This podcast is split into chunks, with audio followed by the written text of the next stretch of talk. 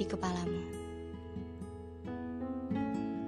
Saat itu, kau sendiri di kamar indekos yang sering terlambat kau bayar sewanya. Tak ada barang mewah di sana, selain mesin pengetik modern yang sering bermasalah saat dibutuhkan segera. Kau membaringkan badan menghadap dinding bercat putih. Dinding ini catatan resolusi tersusun rapi yang kini terasa jauh dan basi. Kau membiarkan matamu terpejam, berharap bisa segera terlelap tanpa mengkhawatirkan banyak hal. Sialnya, pesta di kepalamu baru saja dimulai. Sebetulnya apa sih yang dikhawatirkan? Kau sendiri tak paham benar. Khawatir tak sehebat anak tetangga yang selalu ibu menjadikan objek perbandingan. Khawatir tak punya hal menakjubkan untuk diceritakan di reuni tahunan. Atau khawatir pertanyaan intimidasi orang-orang atas pilihan hidupmu yang mereka tak paham. Nah, yang terakhir itu tampaknya yang paling menyebalkan. Kenapa belum lulus? Kenapa belum menikah? Sarjana kok kerjanya nggak kantoran? Loh, lanjut S2 kok jurusannya nggak linear? Seakan-akan kau wajib menjelaskan alasan atas tiap pilihan hidupmu yang membuat orang lain terheran.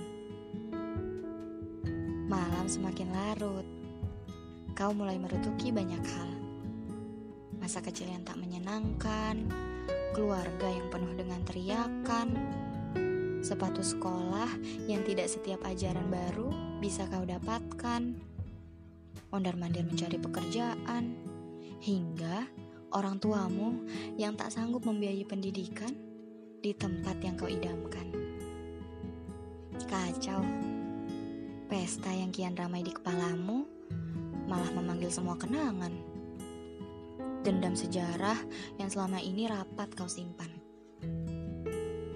Sudahlah, kita memang lahir dan tumbuh di keluarga yang memiliki jalan hidup, takdir, nasib, dan kesunyiannya masing-masing, bukan? Ada yang tumbuh dengan kasih sayang ayah bunda. Ada yang bahkan tidak pernah diberi kesempatan untuk mengenal keduanya. Ada yang diberi kemudahan dengan lengkapnya sumber daya. Ada yang berjuang sedapat mungkin sekadar memenuhi perut sekeluarga. Ada yang tumbuh dengan terang benderangnya didikan agama. Ada yang tumbuh dalam gelap dan mencari sendiri jalan cahayanya. Sudahlah, tiap orang punya air matanya masing-masing kan? Ada yang berteriak dan berontak, ada yang tergugu di sudut kamar, ada yang pura-pura lupa dan tertawa. Bahkan ada yang diam, datar, ekspresinya hilang. Kita hanya menangis dengan cara yang berbeda. Jadi, sudah ya. Mari kita sudahi pestanya. Untuk setiap luka, percayalah, esok lusa akan ada kejutannya.